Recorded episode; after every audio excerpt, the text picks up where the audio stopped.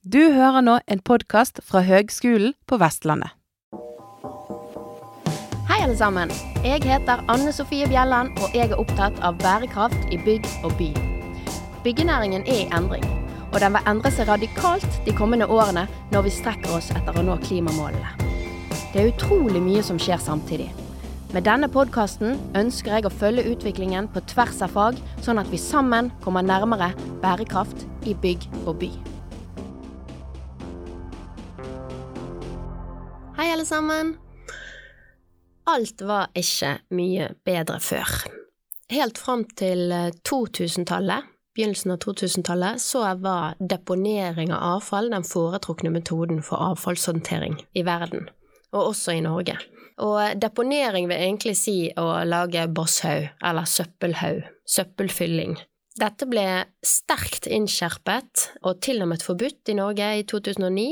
Etter det så kunne man eh, kun eh, ha deponi for sterkt forurensede masser og andre ting som man ikke hadde et godt alternativ for. Men helt frem til det så har man altså brukt det som hovedavfallshåndteringsmetode. Så i dag så ligger det opp mot 150 millioner tonn avfall nedgravd i norske deponi. Og disse er jo de, de, er bygd opp på ulikt vis, noe som også gjør at de har ulik, um, ulik miljøskade på omgivelsene sine, avhengig av om de håndterer avrenning, om det er mye forurensning i selve massene som ligger der, osv. Eh, så de kan være veldig ulike. Det har også mye å si hvilken tidsepoke de kommer fra, i forhold til hva som faktisk ligger i deponiene. Men Slettebakken deponi i Bergen er det første deponiet i Norge som blir gravd opp og sortert på stedet. Og dette her er nok noe som eh, vi kanskje vil se mer av. Arbeidet med selve saneringen startet i august 2022 og forventes å være ferdig i 2024. Eh, og til å utføre saneringsarbeidet så har Bymiljøetaten i Bergen kommune inngått kontrakt med Veidekke Entreprenør AS i samarbeid med belgiske DEME e Environment. Og dette med å, å i hvert fall ordne husholdningsavfall eh, er et kommunalt ansvar. Så eh, jeg måtte snakke litt med prosjektleder for eh, prosjektet på Slettebakken, prosjektleder i Bymiljøetaten, Gry B. Stenersen. Hei, Gry. Hallo. Tusen takk for at du har tatt deg tid til å prate med meg. Vi må begynne med deg og, og, bakgrunnen din først. Ja. Jeg er eh, jordskiftekandidat, og nå heter det master i eiendom på NMBU på Ås. Ja. Sånn at når jeg var ferdig der, så begynte jeg med å jobbe med grunnerverv. Og det vil si at jeg ervervet grunn til å bygge jernbane, bl.a. Og så ble jeg prosjektleder der i, på Jernbanen. Og så begynte jeg i Bybanen når det prosjektet kom. Så der har jeg også vært prosjektleder i noen år. Bygd på første byggetrinn. Jeg har egentlig vært mest interessert i konstruksjoner, så jeg har jo hatt prosjekt med Småpudden, da, som jeg ble egentlig bedt om å komme tilbake til kommunen for å jobbe med. Og det er jo et veldig gøy prosjekt. Veldig sånn signalprosjekt. Og så fortsatte jeg med Renere havn Bergen og kunne være mer i Puddefjorden og legge ny sjøbunn i Puddefjorden. Så kom jo disse deponiene som også skulle ha behandling. Så nå har jeg kommet langt unna det jeg egentlig jobba med. Men jeg er jo fortsatt prosjektleder, så jeg kan jo det med framdrift og økonomi og oppfølging av prosjektene. Men det er jo viktig for meg å ha med fagkompetanse da, på det som er nødvendig. Så vi leier jo inn eh, På dette prosjektet har vi med Covi, som har miljøgeologbiten, da. Okay. Men vi lærer jo mer, vi også. Så etter hvert så syns vi jo at vi kan mye om alt mulig rart. Stilig. Men du jobber i eh, Bymiljøetaten ja. i Bergen kommune, sant? Ja. Kan ikke du si litt om, om Bymiljøetaten? Når jeg hører Bymiljøetaten, så tenker jo jeg boligsoneparkering og tulipaner i byparken. Ja, ja, men det er jo helt riktig. Så det er jo en viktig del hos oss. Det er mange som jobber med det. Vi er 240 stykker ca. nå. Eh, sånn at eh, vei, veiforvaltning og trafikksikkerhet er jo noe av det vi jobber med. Så er det selvfølgelig de som jobber med grønt, både parker og Barnas byrom. Mange fine prosjekt, bl.a. Tollbodkaien nå. Og så har vi jo renere havn, som vi snakket om. Så har vi forvaltning av byfjellene, av viltforvalter, val- vassdragforvalter. Og vi lager naturstrategien for Bergen kommune. Og ja Så har vi jo de kommunale deponiene, selvfølgelig. Og så er det også mer og mer fokus på sykkel og gange. Tilretteleggelse for det. Ja. Mm. Ut- Utrolig stort og bredt eh, Ja. ansvarsområde, da. Ja, og nå skal visst landbruk komme over til oss òg. Det er forslaget nå. Ja, ok. Ja. Spennende, spennende. Men, men, eh, men du, litt om, eh, før vi hopper på, på en måte dette her med deponiene, så må vi Mm. bare høre litt om dette her med, med eh, lille, eller småpudden og, og vannrensingen der. Kan ikke du fortelle om det prosjektet? Jo, altså det heter Renere havn Bergen. Så det er jo et prosjekt fordi, sammen med eh, Miljødirektoratet. Fordi sjøene er eid av staten. Mens det er jo de kommunale som egentlig får pålagt å rydde opp, da. Sånn at eh, siden det var så forurensa i Puddefjorden, så var det en av de prosjektene i Norge som fikk penger tidlig. Så da betalte Miljødirektoratet 75% og Bergen kommune resten. Mm. Sånn at eh, i Puddefjorden har det vært malingsfabrikker og verft og mye forurensning, egentlig. Sånn at der ble det da valgt å legge ut steinmasser, en halvmeter med stein fra Ulrikstunnelen, fordi jernbanen bygde en ny Ulrikstunnel. Så de massene ble tatt ut med en eh, tunnelboremaskin, og den gnager seg gjennom fjellet, og de blir veldig mye finstoff. Så det var veldig bra masser å dekke til sjøbunnen med. Sånn at det nå er, vi har bygget en ny sjøbunn i Puddefjorden som eh, skal hindre forurensningen. Og komme fram igjen, da. Den er dekket til. Og så eh, når vi var ferdig, så var det bare et grått teppe med masse grus. Eh, Vi hadde, sånn- hadde en fotograf ned, og vi så hvordan det så ut. Nå, og det var i 2018, da var vi ferdige. Mens nå i år så har vi også vært nede og sett. Nå er det en annen prosjektleder enn meg der, men da har du jo også filma. Da ser de at nå har det begynt å vokse masse der. Nei, Så det er jo veldig gøy. Ja da, Kjempefint. Så Da begynner det alt å ta seg til rette igjen og bli en eh, mer levende fjord, da, egentlig. Fantastisk. Og der kan man jo bade nå. Ja. Det, Det er jo kanskje badstuer og Ja. kjempefristende. Og nå er det jo Store Lungegårdsvann som står for TU, Mm. som de jobber med nå, da. Ja. Mm. Spennende. Men, eh, men nå eh, sitter meg og deg her oppe på Slettebakken, på deponi. Ja. Eh, og kan du først fortelle litt altså, hva er et deponi, og hva er historien for at dette prosjektet har blitt til? Eh, Det var sånn at før 1940 så kjørte Bergen bosset Altså det var Bergen by, egentlig. Kjørte bosset sitt med lektere til Kollevågen på Askøy. Og dumpa det der. Der hadde jo kommun Bergen kommune da tatt ut stein og bygd f.eks. festningskaien med. Og så var det så hyggelig å legge tilbake bosset sitt. Men så kom jo krigen, og da ble fjorden minelagt. Sånn at da kunne ikke den transporten fortsette. Og da bestemte de seg for å legge bosset på Slettebakken. Eh, Så da var det egentlig et beite. Vi har sett på bilder at det går kyr og beiter her. Og da begynte de bare å fylle i fra nord. Det er der oppe med ja, Gimlehallen og Turnkassen. I den enden begynte de å legge bosset sitt i 1940. Og så jobba de seg oppover helt til 1961. Da ble avfall Det er jo avfall fra 80% husholdningsavfall, og så er det sånn 20% næring. Sånn, Mm. ja. Så da var det fullt. Da slutta de da i 1961, og da begynte jo de å fylle i Rådalen isteden. Ja, ok. Mm. Men er det det de to vi har? jeg, Eller, eller? Eh, nei, vi har mange rundt omkring. Det er Laksevåg og Det er totalt tolv deponier som eh, Bergen kommune har ansvaret for i dag. Da. Og det er jo fordi kommunen ble slått sammen med flere andre kommuner. Sånn at det som er Bergen kommune i dag, har jo vært mange kommuner. Og alle de hadde jo hver sine fyllinger. Mm.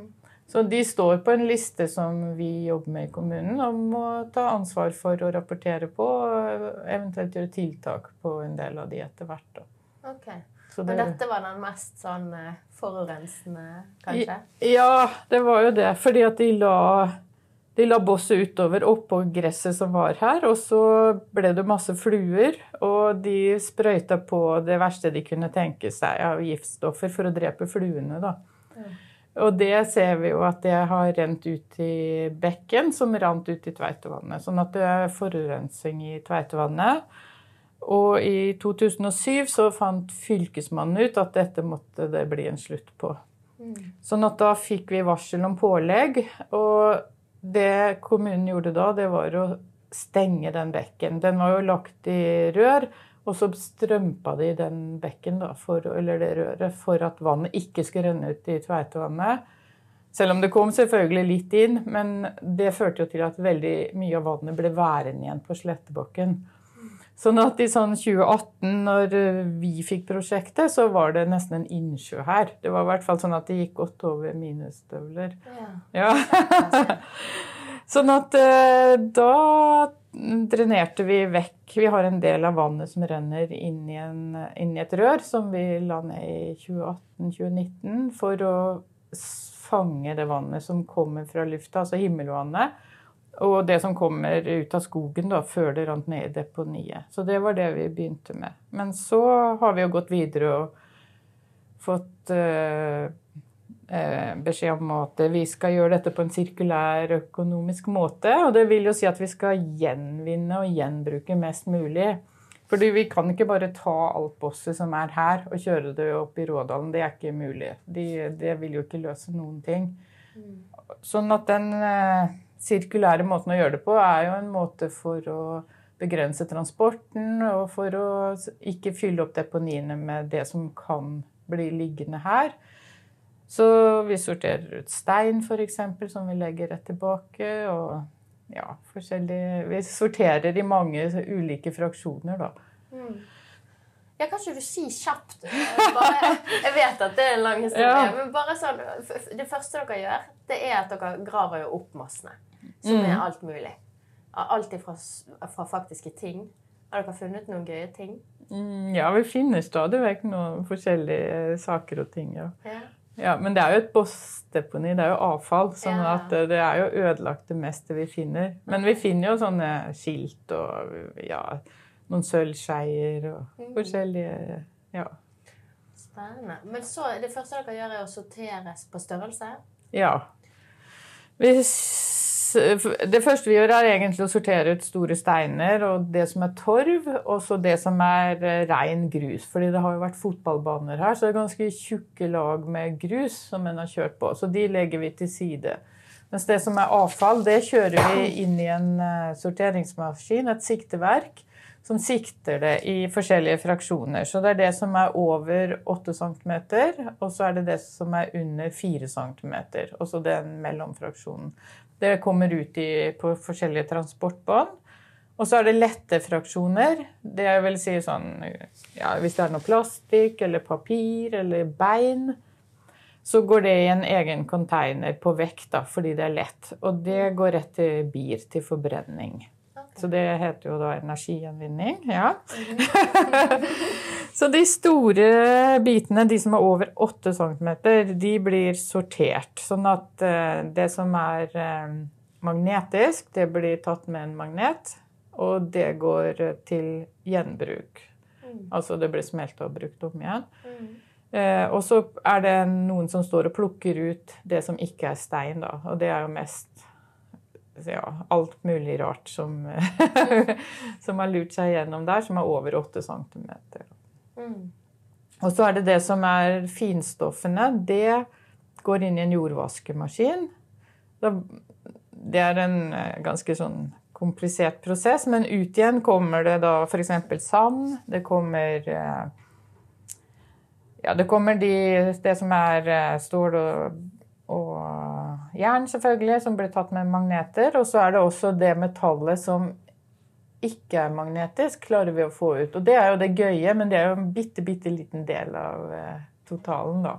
Men det er jo der vi syns det er morsomt å se, for der finner vi kobber og messing og aluminium og så disse her sølvskeiene. Ja, ja, ja, vi lurer litt på hvor er resten av bestikket. Ja. ja. for det er så rart. ja, men det er så rart at vi bare finner skeier, da. Ja, Men eh, vi plukker noe, sorterer det, og så gjenbruker det vi kan. Og det som ikke lekker, det vil si glass, keramikk, porselen og stein, selvfølgelig en del bein, det legger vi tilbake. For selv om det er klassifisert som eh, klasse 4, dvs. Si ganske forurensa, så lekker, har vi tatt utlekkingstester, så det lekker ikke ut i vannet. Så da ligger det her, da.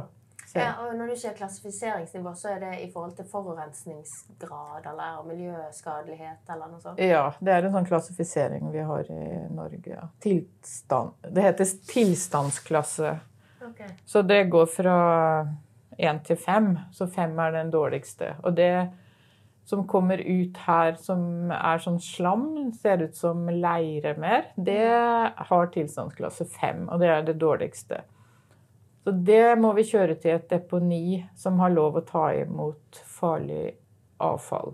Og det har vi strevd lenge med å finne et sted å levere, og nå er det et deponi i Tønsberg som tar imot de massene. De legger det i et gammelt steinbrudd og pakker det godt inn. Ja. Så det går med båt dit, da. Ja. Mm. Eh, Men det vil si at, eh, at alt som ikke på en måte ja, lekker forurensning, det legges tilbake igjen? Sånn at det vil fortsette Ja. å være et deponi her, på en måte? Ja, det blir et lag Ja. eh, med den type masser, ja. Sånn at det har påvirkning på den områdeplanen som blir utarbeida. For dette er jo eh, egentlig kjempebra at den har et så stort område så nært byen, som er kommunalt, og som skal brukes mest til idrett. Så nå driver en og lager en områdeplan, og da legger det begrensninger på den framtidige bruken. Men det er klart at hvis du skal ha fotballbaner, så, så gjør det ingenting om det er forurenset eh, masse under en fotballbane. Fordi at det, det ikke lekker, da. Det er jo det som er det viktigste oppi det der. Men så blir det jo sikkert en eh, idrettsbygg også, og da må de ikke grave seg for dypt ned.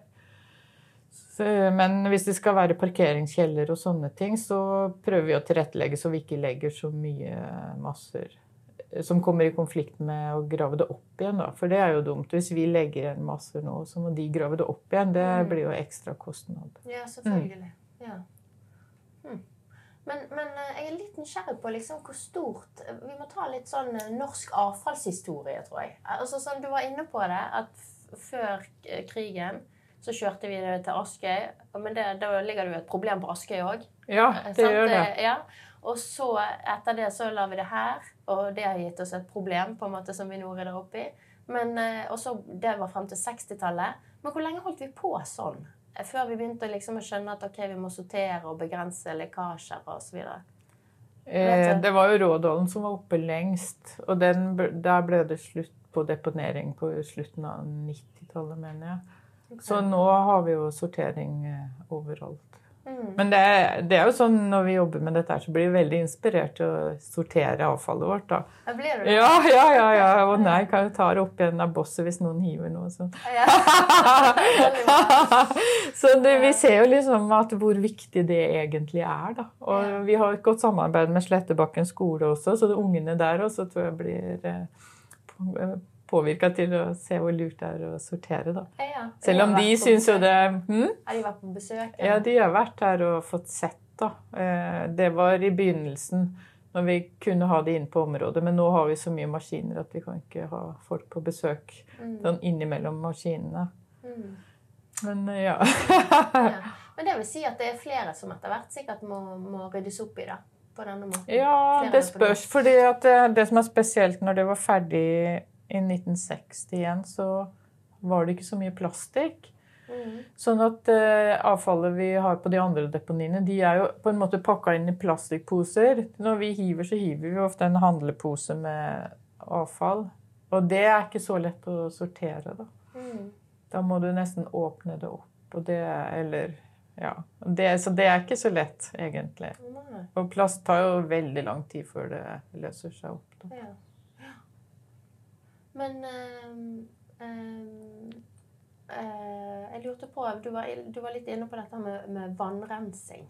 Og at dette her har jo, Det er jo òg litt av grunnen til at det nå ryddes opp, at dette har fått, eh, fått forurense området i større utstrekning ned Mm. til Tveitevannet, som ligger ja, Hvor mange meter skal vi si? Det er ikke så langt. i hvert fall. Nei, det er ikke veldig Men i hvert fall via en bekk og det der va- vann, eh, regnvann og overflatevann renner. da.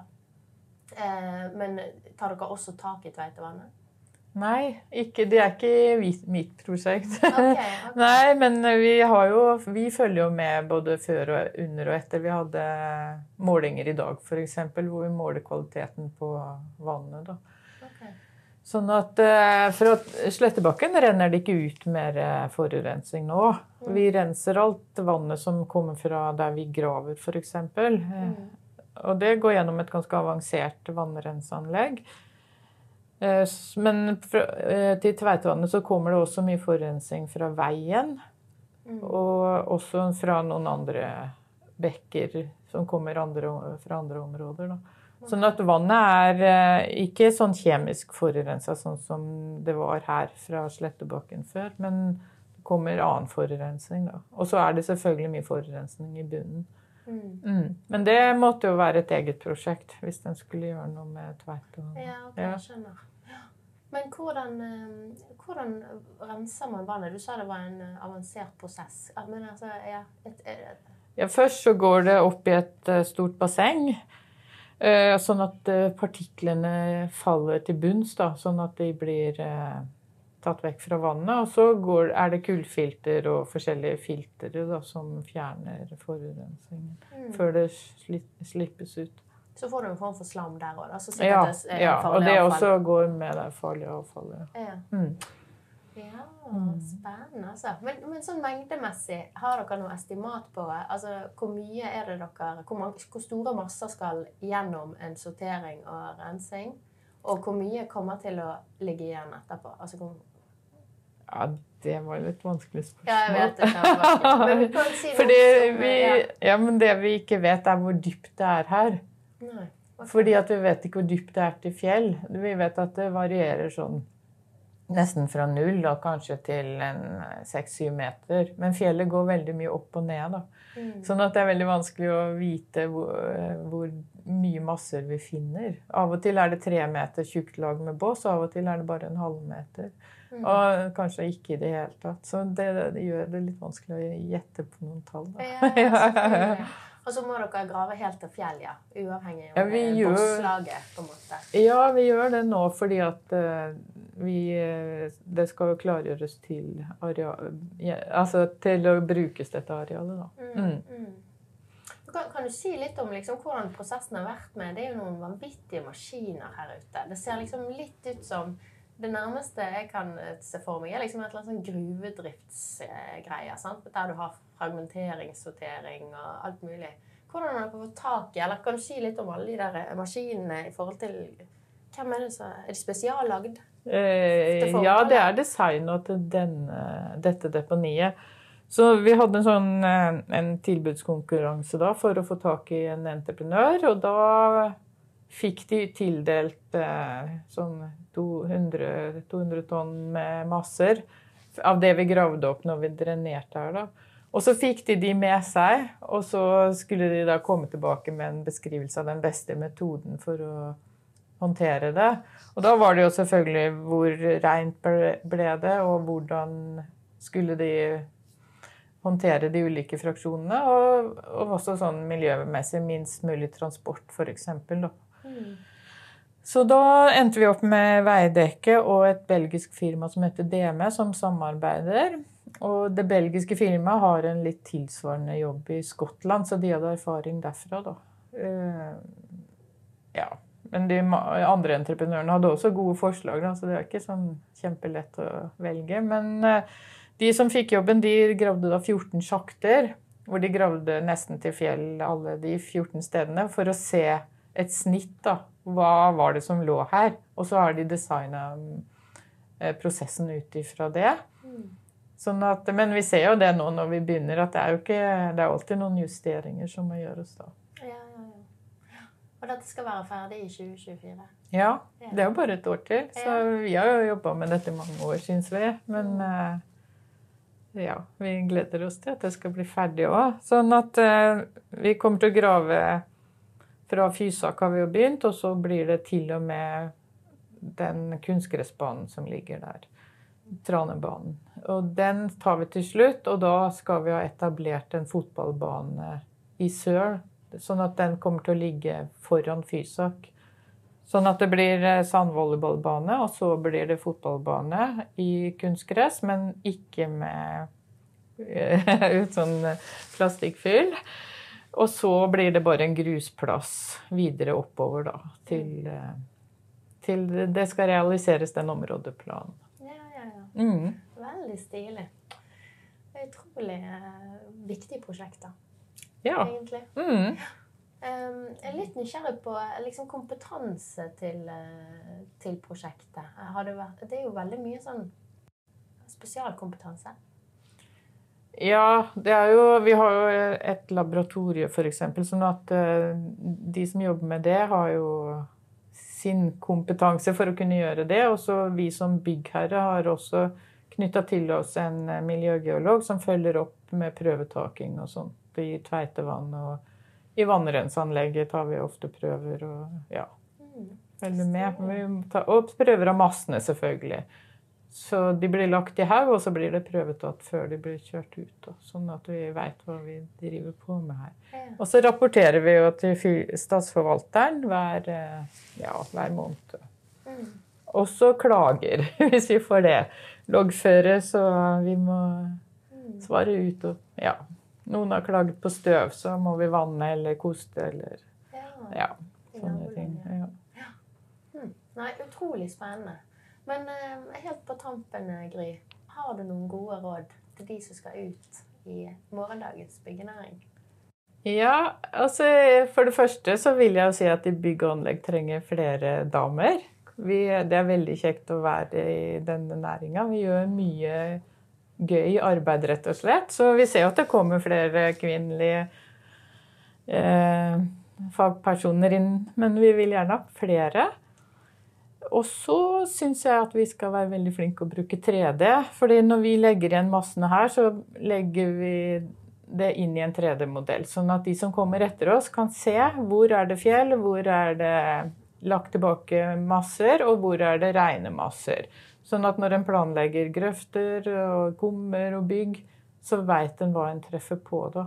Og det er jo samme som du gjør når du har et bygg, så lager du en BIM-modell. Dette blir bare for For masse for, ja, for bakken isteden, da. Bakken, ja. Ja, eller grunnen, grunnen isteden. Ja, ja. Så de to tingene tenker jeg det må være noe å huske på fremover. Ja, ja. Mm.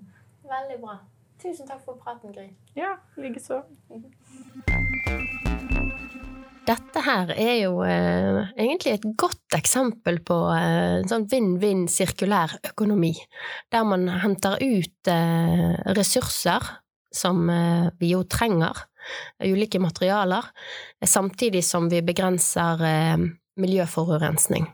Og det er flere initiativ internasjonalt som jobber med det man på, på, på, si, fremmedspråk, på engelsk, kaller for landfill mining. Og det blir beskrevet som nettopp et vinn-vinn-initiativ, der en kan få gjenvunnet verdifulle materialressurser, begrens, man får begrenset og man får ryddet opp i miljøforurensning, og så får man også frigjort arealene som disse deponiene opptar.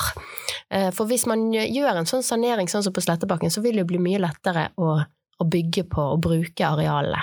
Og i, i USA for eksempel, så er det estimert at noen av deponiene der eh, har mer aluminium enn det som man kan finne i gruver der råstoff til aluminium blir utvunnet. Da. Aluminium det utvinnes fra, fra malmen bauksitt, eh, og de største bauksittreservene de befinner seg i tropiske strøk. Og i tillegg til at man ved å, å utvinne dette her risikerer avskoging av regnskog, så produseres det òg eh, et giftig rødt slam som er veldig miljøskadelig når man utvinner aluminium. Så det å plutselig se på, eller det å heller se på avfallsdeponier som eh, potensielle gruver for å utvinne aluminium, er jo egentlig en, en eh, veldig fin, et fint eksempel på sirkulær økonomi. Så det kan godt tenkes at man vil se mer av dette her i fremtiden. Det blir spennende. Den som lever, får se. Ha det godt så lenge.